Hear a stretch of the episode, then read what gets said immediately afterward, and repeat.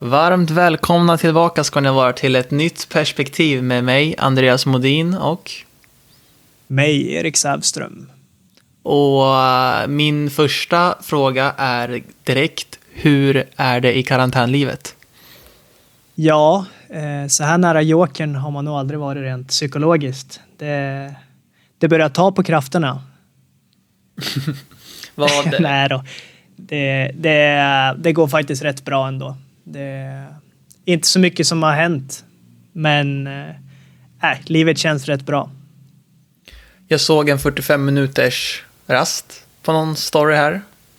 Precis, det är väl det stora, stora skillnaden nu då, rent i den yttre världen så att jag har fått att jag klarade första covid-testet där så nu får jag har jag fått vara ute fyra gånger om dagen. Eh, eller fyra gånger om dagen. Eh, fyra dagar i rad.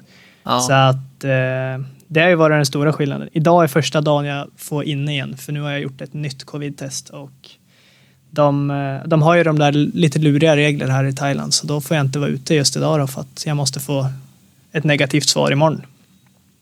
Och vilken, eh, vilken dag i karantän är du inne i? I enligt det thailändska schemat?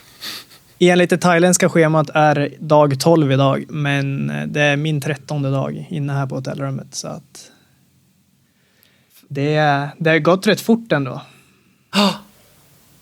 Ja, fan. Med, med det som är spännande sen sist nu i alla fall, det är att man har tappat helt uppfattningen på tid. Eh, det är som när jag tänker vad, jag, vad gjorde jag igår så, så har liksom tiden bara blivit så en stor lång dag typ. Jag har ja. svårt att så här, skilja på vad som är igår eller vad som är för tre dagar sedan. Det, så den är lite rolig. Det blir som att natten bara är en vad ska man säga, som en, en, en powernap typ. Och sen fortsätter bara livet.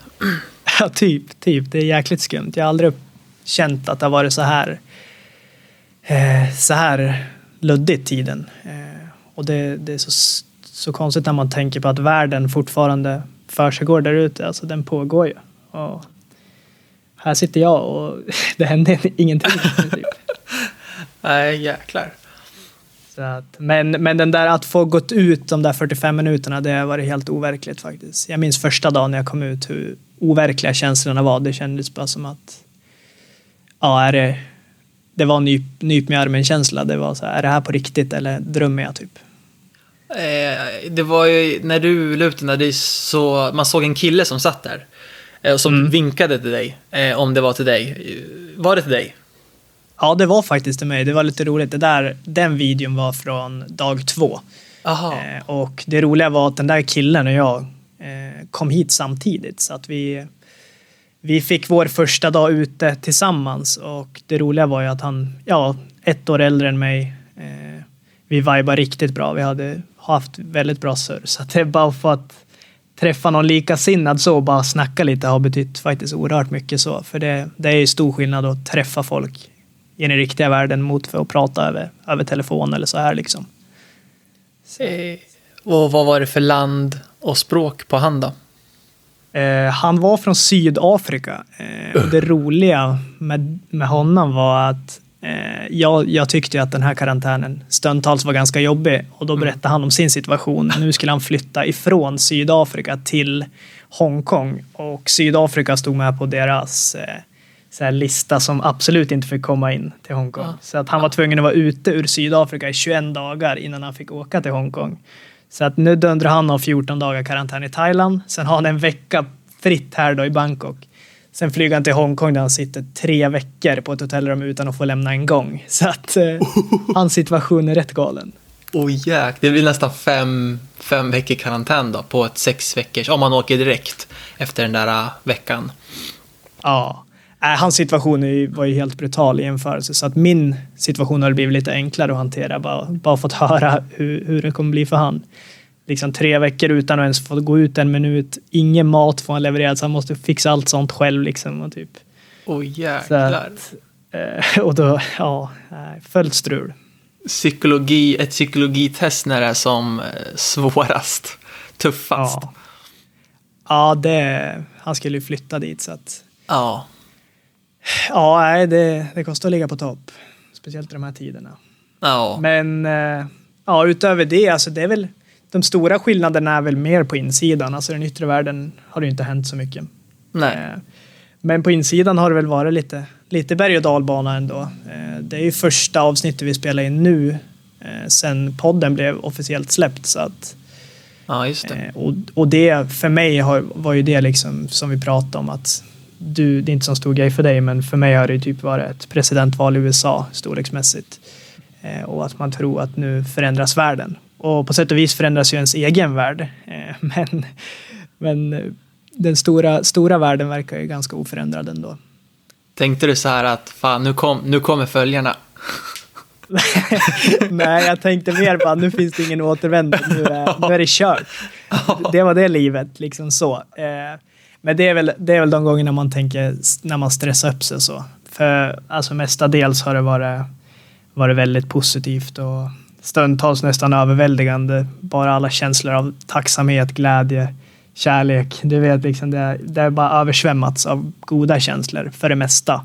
Ja. Eh, Men där finns det ju en, en mörk baksida också. Eh, När man låter sig själv sköljas upp av alla känslor och så, så kan ju en negativ tanke snabbt slunga en rakt in i mörkret också. Och det, det har ju hänt eh, att jag liksom har hamnat där. Och, det, det är just en, en väldigt spännande fälla jag har hamnat i som jag vet att jag har hamnat i förr i livet. Och det är väl det här istället för att vara glad och tacksam för typ, ja men låt säga alla som har hört av sig och liksom så. Så hamnar man och bara fokuserar på de som inte har hört av sig.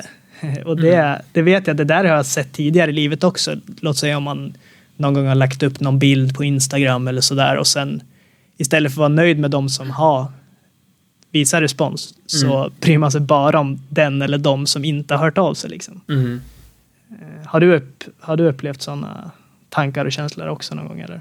Är det bara Ja, nej, det, det är klart att man har det. Eh, det, är, det, är det är naturligt att man, man känner så. Sen får man ju hantera det, och vissa hanterar det, man kan hantera det på olika sätt. Eh, men det ligger ju i människans grund att eh, vara vaksam på saker som liksom är lite annorlunda, om man ska säga. En gång i Mm. tiden har det varit vår överlevnad. Alltså om det är någon som varit sjuk, blev sjuk eller, mådde eller stack ut från mängden i byn där man bodde. Det kunde vara en sjukdom som hela byn dog ut då om man inte liksom passade sig. Så att eh, man har ju det lite genetiskt byggt i sig. Ja, jag tror också, det, för det har jag också funderat på, om det, om det är biologiskt, att det är det här just att negativa känslor har ju en, får ju en mycket större plats i oss just för att det, det har med överlevnad och Exakt.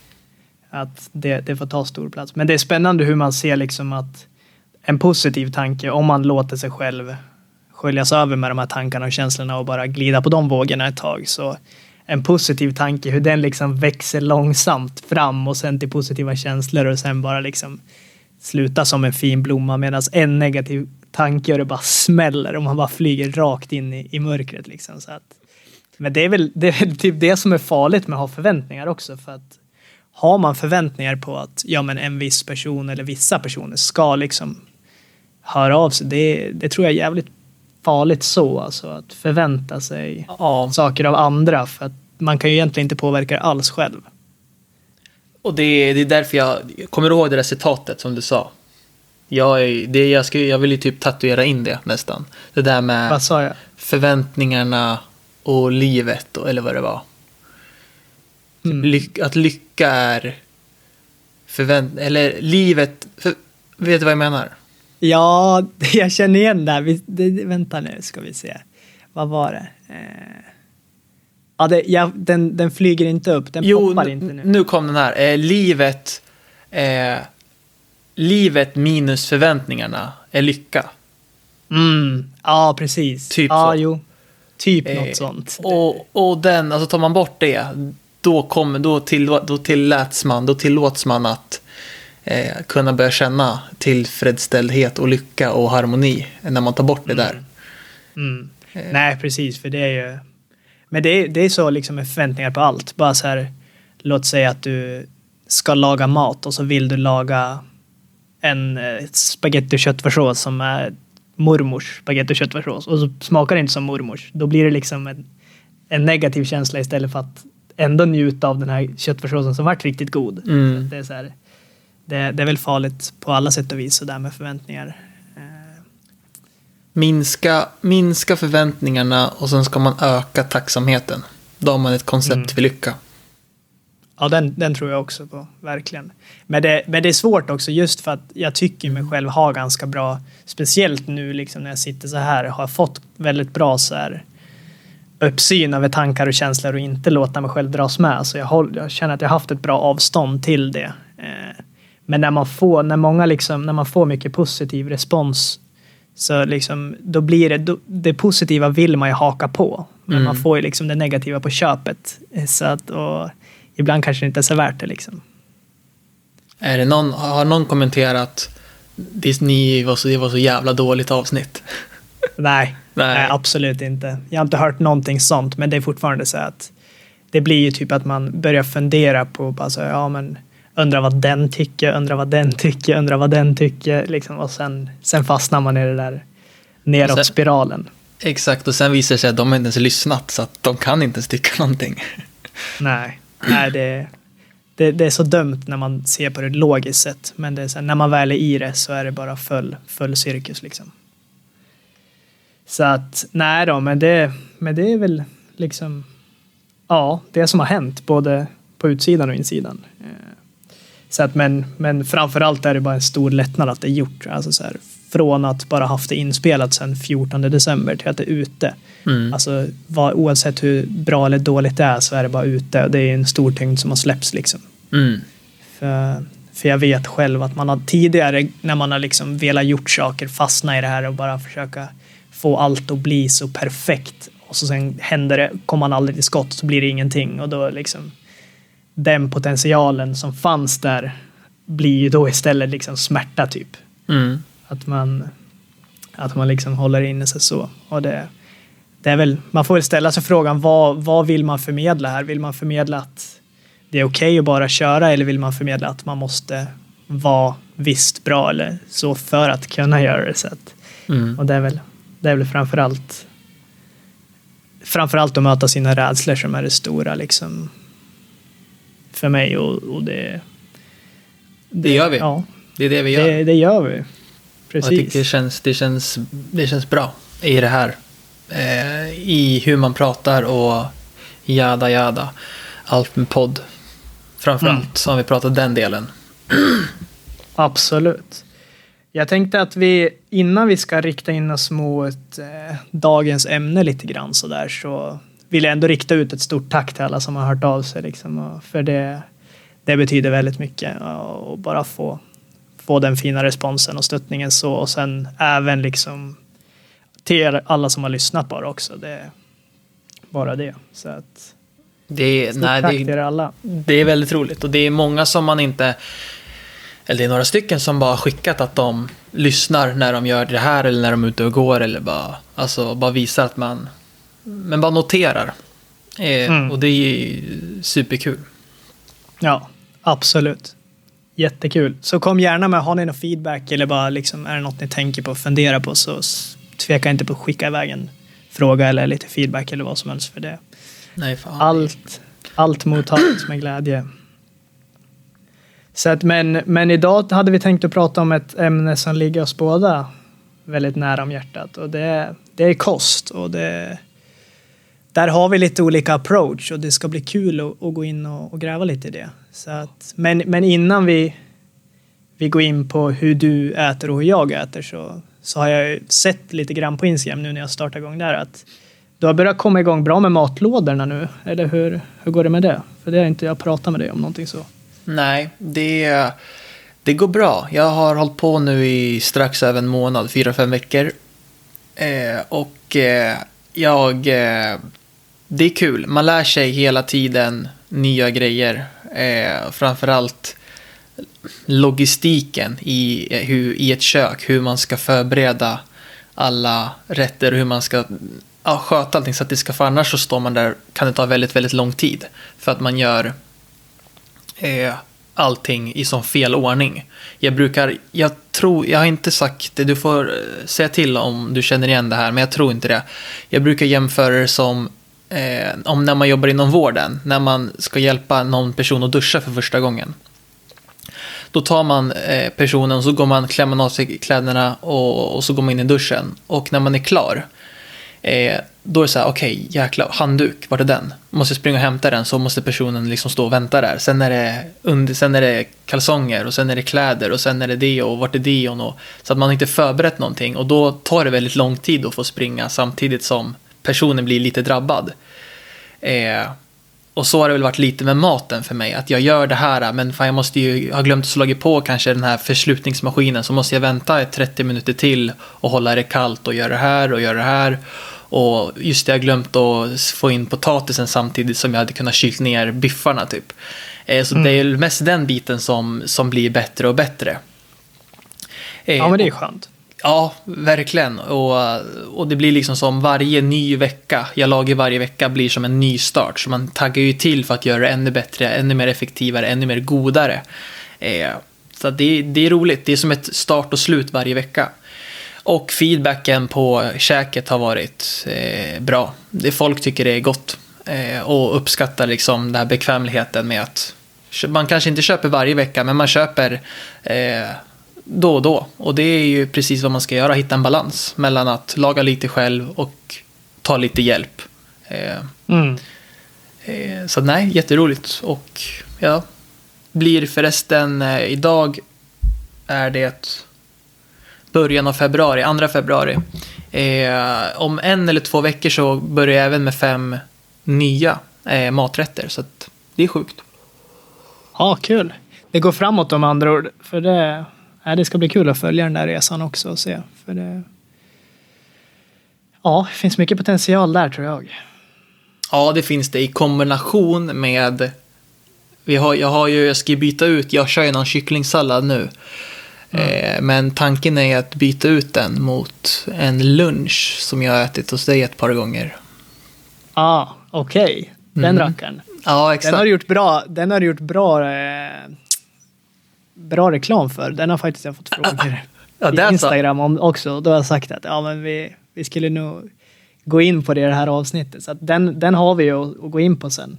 Vi, spar, vi, sparar den till vi slutet. sparar den ja. till efter vi har gått igenom hur, hur vi äter, för vi äter ju väldigt olika och har olika syn på det så, men i det stora hela så är det ju samma intresse av hälsa och välmående och så. så att, jag vet inte, vill du börja på det och, och gå in lite på dina tankar och dina idéer kring mat och, och kost så, eller ska jag börja, eller hur känner du? Eh, man kan ju snabbt bara gå igenom ungefär, jag vet inte hur olika du vet, men ungefär vad man äter på en mm. dag kanske. Ja. Eh, med lite eh, tankar kring det.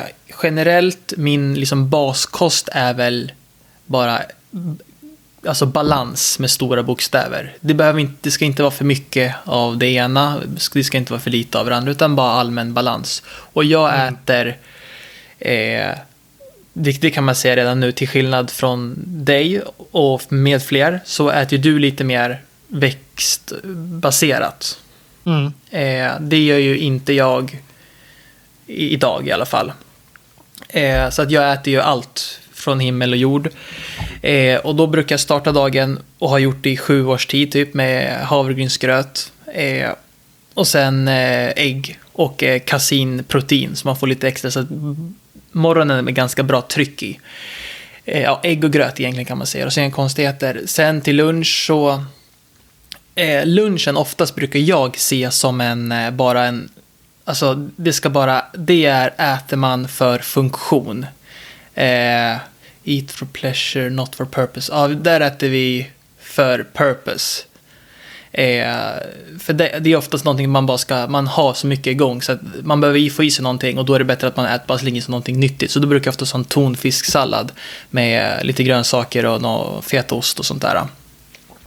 Eh, sen till middagen så är det ju alltid typ lax, nötfärs, kyckling. Eh, ja, basgrejerna till eh, oftast ris eller sötpotatis. Ibland kan jag ta någon fiberpasta också. Eh, och sen till någon kvällsfika så brukar det bli kvarg. Alltså kvarg är underskattat. Det kan man ha i, i smoothies och allting. Eh, kvarg och några kokta ägg och lite nötter eh, och sånt där. Eh, så ser ungefär mina dagar ut.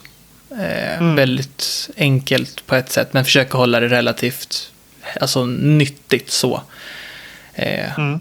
Ja, nyttigt och enkelt, det gillar vi ju. Det, det försöker jag hålla mig till i runda slängar också. Men lite hur, vad och när jag äter då. Så eh, jag har väl ett och ett halvt, lite drygt ett och ett halvt års tid nu äter helt veganskt. Eh, Det vill säga helt plantbaserat och utan animaliska produkter. Eh, Utöver det så äter jag även på lite speciella tider då, kortfattat så periodisk fasta kallas det ju för och då har man ett lite kortare ätfönster då och en längre period av dygnet fastar man. Så, så det gör jag utöver att äter veganskt då. Så en dag för mig, om man ser hemma då, så bryter jag den här fastan första måltiden, det vill säga runt 11-12. Och då brukade det alltid, eller oftast, vara en smoothie då och så den här dundersalladen vi har pratat om. Eh, smoothien, den brukade innehålla ja, bär, blåbär, hallon, en bärmix helt, helt enkelt. Och så avokado, lite olika typer av såna här superfoodpulver. Till exempel spirulina, broccoligroddar, eh, moringa. Det finns massa olika typer av pulver och jag testade runt lite med dem och bollade med det. Så eh, där åt jag första måltiden då. det är ju, jag kan bara hoppa in lite om man får avbryta lite snabbt. Det är en smoothie utan namn kan man säga, för att den har ingen smak typ. Eller en smoothie utan smak, för jag, jag har ju fått smaka den av dig. Eh, och då frågade jag, men vad smakar den då? Du bara, det, det går typ inte att säga. Jag bara, jo men någonting måste du kunna säga att det smakar. Men när jag fick smaka den så det går inte att säga vad den smakar. Men nyttig är den. Och god faktiskt. Ja, nyttig är den och den smakar helt okej. så att, Ja. Men det är helt omöjligt att sätta en smak på den. Ja, jag vet. Det är ett smakäventyr. ja. Eh, Så att där, där äter jag väl ett större, en större måltid då till att börja med. Och eh, jag eh, undviker kolhydrater till lunch just för att när man kör den här fastan då så, så drivs man på fett istället för kolhydrater och det, det vill jag fortsätta göra sedan längre in också på dagen. Så då, Hade inte Aj. du något... Eh, aj, jag tappar fattningen nu. Ja, men det är ingen fara. Men jag tänker, eh, vi antar, vi kanske trycker på ändå, vi får se. Men eh, du hade väl något, eh, om jag missminner mig, typ, det var ju, om det var, det 15 gram som var att då börjar kroppen ta av sina kolhydrater. Eh, och Nej men precis. Och, och den vill inte du eh, dra igång den ämnesomsättningen så tidigt väl? Det var något sånt. Eh, när du berättade förut, eller? Ja, precis. Det håller man sig under 25, net, Ja. 25 gram net carbs och net carbs det är kolhydrater minus fiber. Då. Så att håller du under 25 gram där så sätter du inte igång det här kolhydratsystemet utan då fortsätter du bränna fett. Mm. Och, så det, det gör jag där. Eh, måltid två för mig äter jag runt ja, men 5-6 då mot kvällen. Och det var, brukar vanligtvis vara en, en indisk gryta eller någon wok eller liksom så. Jag gillar asiatiska smaker. Så, och i den så brukade det väl, ja men alla typer av bönor och grejer. Kolhydraterna som jag la in där var oftast sötpotatis, eh, quinoa kunde det vara. Så eh, ja, det, det är liksom hålla på och trixa och testa olika grejer och liksom stekta grönsaker till woken då. Så Och eh, visst finns det en del kolhydrater i en kolhydratkälla som du lägger till då är väl i, även i grönsakerna? precis, grönsaker innehåller ju kolhydrater också. Mm. Eh, Så att, men eh, de innehåller även mycket fiber, så det är Mm. inte så mycket rena kolhydrater som till exempel potatis, sötpotatis eller liksom pasta om vi går dit. Så, eh, men sötpotatis, quinoa, bönor och, och alla typer av ja, men kikärtor och så där innehåller ju också kolhydrater. Så. så det sparar jag till kvällen just för att under dagen så fortsätter jag köra på fastan, och, eller inte på fastan men driv, drivs på fett istället för kolhydrater. Mm. Så, och efter, efter middagen brukade jag vanligtvis köra någon liten efterrätt. För kolhydrater brukar alltid få mig att bli sugen på mer, mer efter då. Och hade jag kört, när jag kört en hård träning brukar det kunna bli en gröt och en proteingröt som är en blandning av overnight oats och typ en chia-pudding. Så att lite proteinpulver, eh, Mm. havregryn, chiafrön och så får det stå och dra ett tag så att den är kall. Och till det brukar det vara lite, lite bär och lite nötter, blåbär, hallon där och nötter och, och så. Fryst mango, god efterrätt som också enkel, brukar jag sitta och knapra på ibland. Och filmkvällar, lite popcorn då kanske. Så att, och där undviker jag ju mikropopcorn och kör, kör dem på spisen, den klassiska vä- vägen, så får man krydda dem själv hur man vill sen. Så, uh, Ja. ja vad sa du? Alltså eh, chips, äter du chips? Nej, inga chips. Det är väldigt, väldigt sällan. Det, Är det av eh, den kosten, eller är det bara generellt att du liksom inte är förtjust i det, eller du inte tycker eller är det att du inte, om man säger får äta det, om man ska säga det eh, enligt ditt, hur du vill, hur du vill äta och vad du, ja men får inom situationstecken. Jag sitter här och viftar med mina fingrar, eh, men s- för att du ska förstå. ja, nej, men chips är såklart gott, men det är Ja. ju inte det nyttigaste, så jag undviker det Ja, till högsta mån. Men kommer jag till någon och det står lite chips på, på bordet, det är klart jag tar lite. ja exakt. Men det jag tycker är viktigt för att kunna hålla sig från sådana saker så är det bra att anpassa omgivningen efter det. Skulle jag ha chips hemma så skulle jag säkert Mm. falla dit och äta det. Så Mm. jag har inte chips hemma på det viset så då är det lättare att undvika det.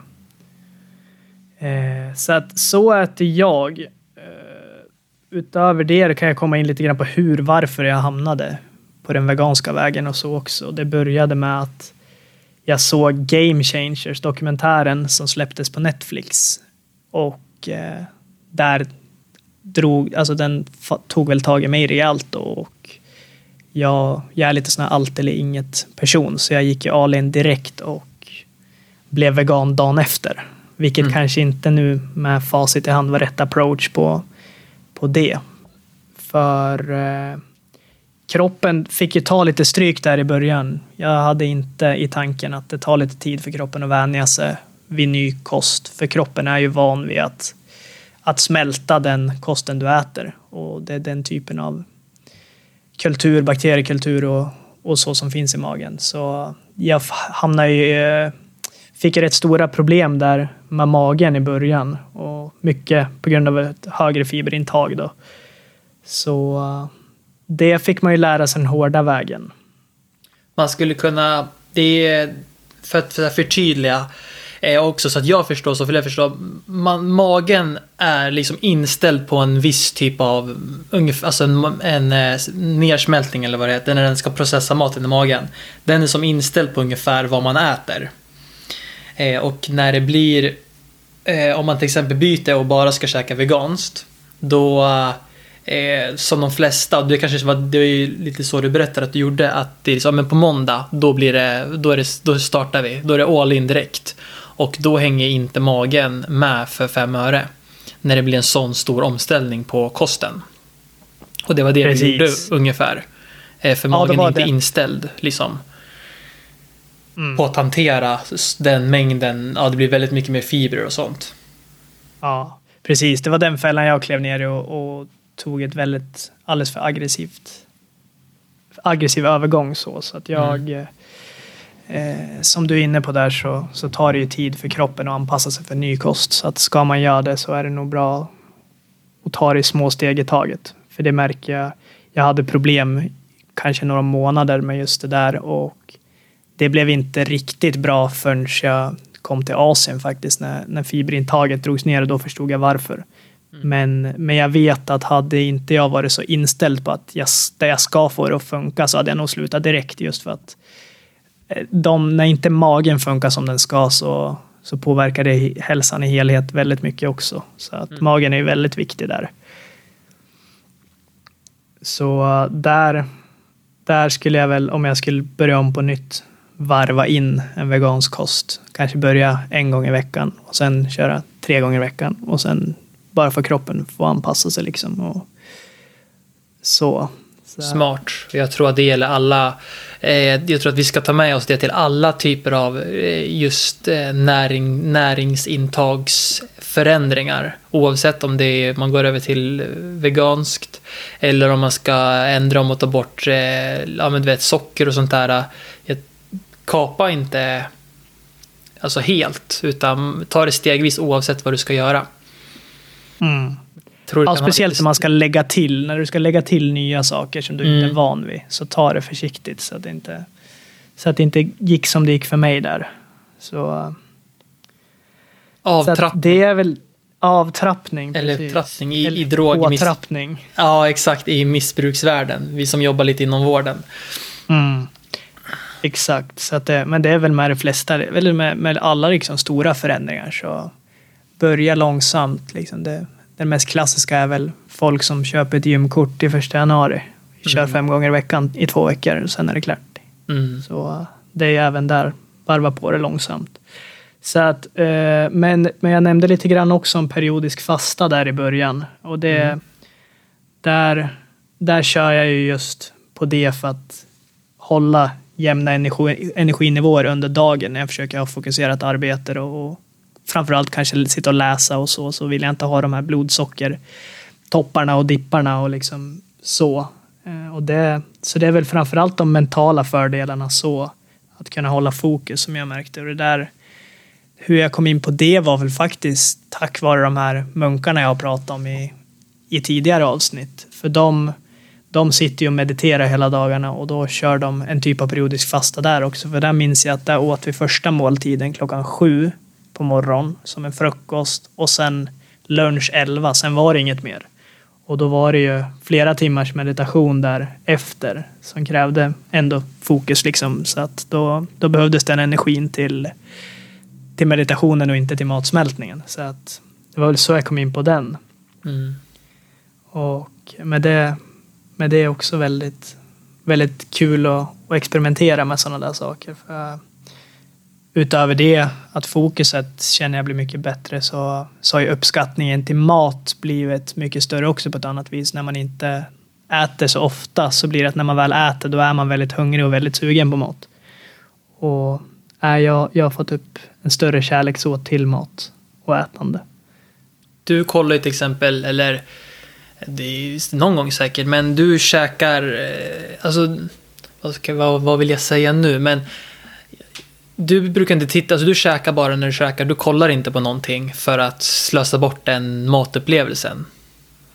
Nej, precis. Det var ju lite det där vi pratade om i förra avsnittet. Att Ja, jag försöker, och det var väl också en lärdom därifrån, att när jag äter så försöker jag hålla fokuset på maten. Och det, det är också ett sätt att få upp, få upp liksom den upplevelsen högre. Så att, men det, det är ju alltid liksom trevligt att, att äta tillsammans med folk också. Och då är det Mm. såklart att man, man sitter och pratar och så. Men ja, jag försöker ändå undvika liksom, att sitta och kolla Netflix och, och sådär när jag äter. Men det, det har jag gjort hela livet. Så att jag vet ju, jag vet ju liksom hur det är också. Men då, då kunde man ju bara sitta och kolla och så vips och tittar man ner och så var det slut på, på tallriken och så minns man inte knappt vad det smakade.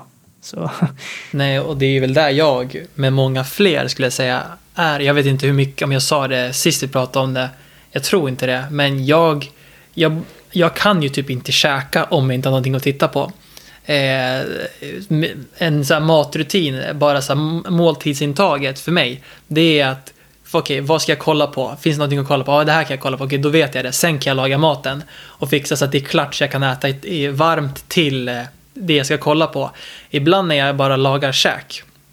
Så att, och så bara, fan just det, nu har jag glömt att, liksom, vad ska jag kolla på? Jag har ingenting att kolla på. Då sitter man och, och letar, då kan jag sitta och leta efter någonting att kolla på för att jag måste ha någonting att kolla på när jag käkar. Så att maten hinner i, i vissa fall bli kall för att jag inte hinner hitta hittat någonting som jag vill se. Och då bara, men, ja, men då går jag in och kollar på någon video, YouTube-video av Anis Don Demina eller någonting. För att ha någonting att kolla på när jag Ja. äter. Jag vet inte vad det är. Det är säkert fler som, som känner igen sig i det här, men måste ha någonting att kolla på, annars går det typ inte. ja, Bara, bara sitta och käka i tomma inte, men då äter ju, alltså, jag, jag äter ju, jag uppskattar ju maten, men jag har inte, det är ganska basic. Jag har ju inte den där dundersalladen. Eh, Då vill man ju nästan liksom se vad man äter, känna vad man äter och njuta. Men när man bara äter för liksom ätandets skull lite, och bara för att få in liksom energin och för att för kunna göra vidare. liksom. Exakt, exakt. Då vill man, då vill man ha någonting. Och, eh, så ja, det är coolt hur eh, att det är olika. Jag ska nog Ja. bli, jag ska prova lite mera, något, någon måltid i alla fall. Apropå att starta stegvis.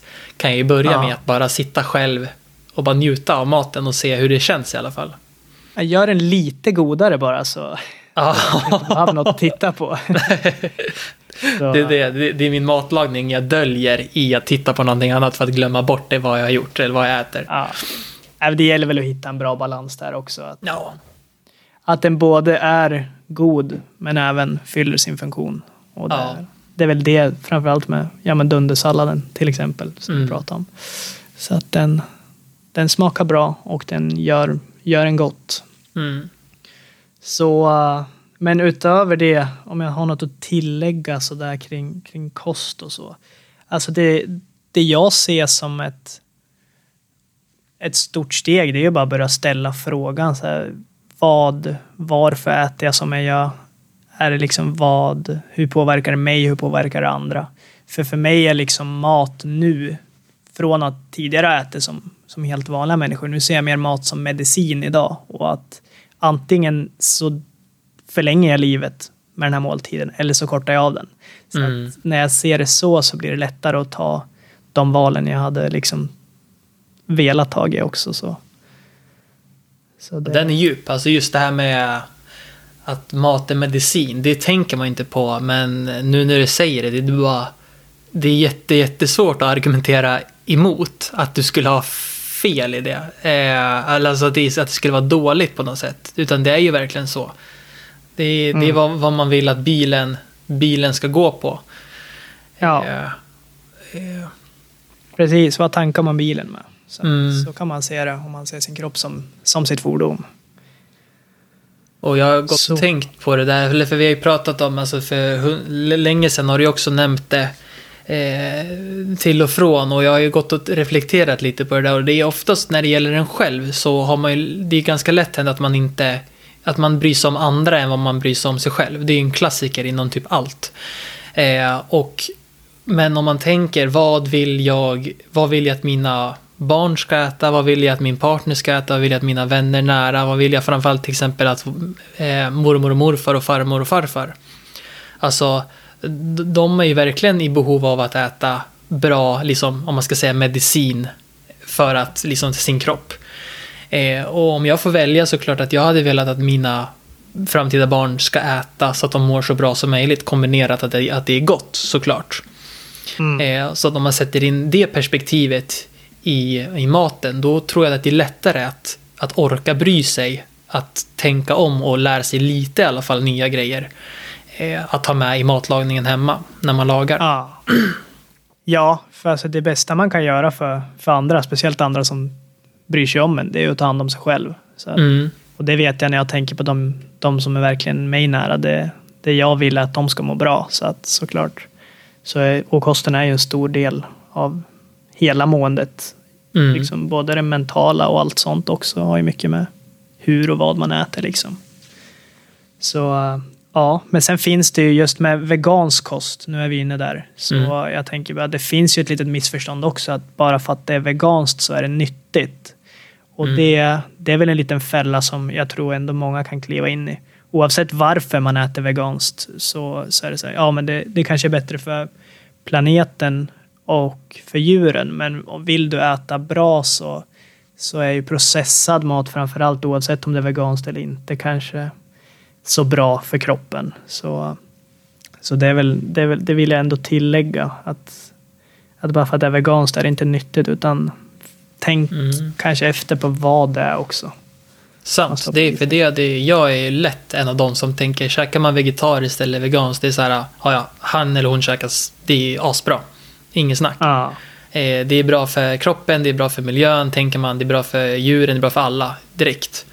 Eh, Mm.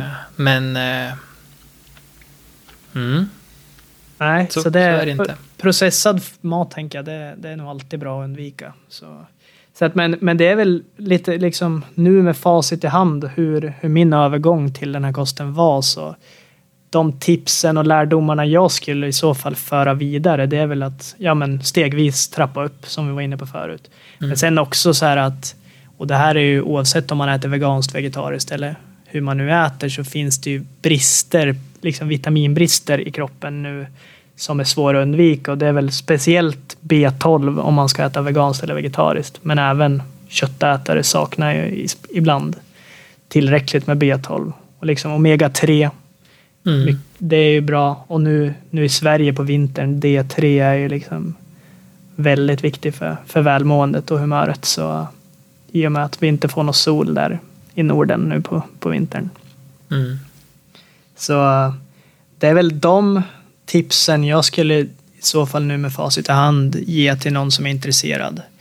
För, för det är jag, jag, jag började ju med, som jag nämnde, med det här veg- veganska efter Game Changer som är mer riktad in mot hälsa kontra Mm. vegansk kost. Men innan det hade jag även sett liksom mycket andra typer av dokumentärer där djuren är i fokus eller planeten är i fokus. Så att det är ju, och nu när man har fått, när jag har fått upplevt och sett planetens utveckling och, och sett hur djur behandlas världen över så har ju de frågorna växt och kanske nästan blivit till och med större än det fysiska. Så, så det finns ju många anledningar till varför man ska, eller varför det kan vara bra och, och liksom börja fundera hur man äter. För det, men, men jag vill också vara tydlig med att poängtera att det finns inget rätt eller fel så. Men oavsett vad du väljer att äta så, så ta det valet själv och ät inte bara som du alltid har gjort kanske. Om man får säga så. Ja, nej, och eh, jag har också sett den här eh, dokumentären. Mm. Eh, och något som fastnade just var det i, i en, den energin som det krävs. I att till exempel att producera ett gram eh, animaliskt protein. Eh, går ju åt 6 gram eh, vege, alltså plantbaserat protein för att Ja. få ett gram. Så då förstår man ju om jag ska käka 100 gram kött. Då är det ju eh, 100 gånger 6 då. Är, det, är det helt ute och cyklar om det är 600 gram eh, animaliskt, nej eller vegetariskt protein. Ja, det krävs Som- ju i alla fall sex gånger så mycket. Ja, exakt. Jo, men då blir det ju sex. Ja, exakt. Eh, oavsett mängd då. Eh, det, det fastnar hos mig. Eh, sen stämmer väl de siffrorna mer eller mindre beroende på. Men någonstans så finns det säkert en, en sanning i, i den energin, konsumtionen, för att Mm. producera. Eh, och det är ganska sjukt, men eh, om man tänker så, just specifikt i det fallet. Ja, nej, absolut. Det, så är det ju verkligen. Så ja, vidare därifrån. Hade vi något mer? Ska vi, det var dundersalladen. Just det, dundersalladen. Nu har jag faktiskt skrivit ner hela receptet här på den för att inte missa något. Så att jag skummar igenom den snabbt och sen... Eh, den här har jag under en längre tid format då för att passa dem. Det jag vill att den ska göra. Så att, och nu är det, nu den dundersalladen jag presenterar här nu, det är väl när den är i sitt esse också. Så att det, det händer ju att man saknar vissa ingredienser, men när den är komplett så ser den ut som följer. Då har vi en bas, som en grön bas. Jag brukade köra en salladsmix, vanligtvis en rucola-mix.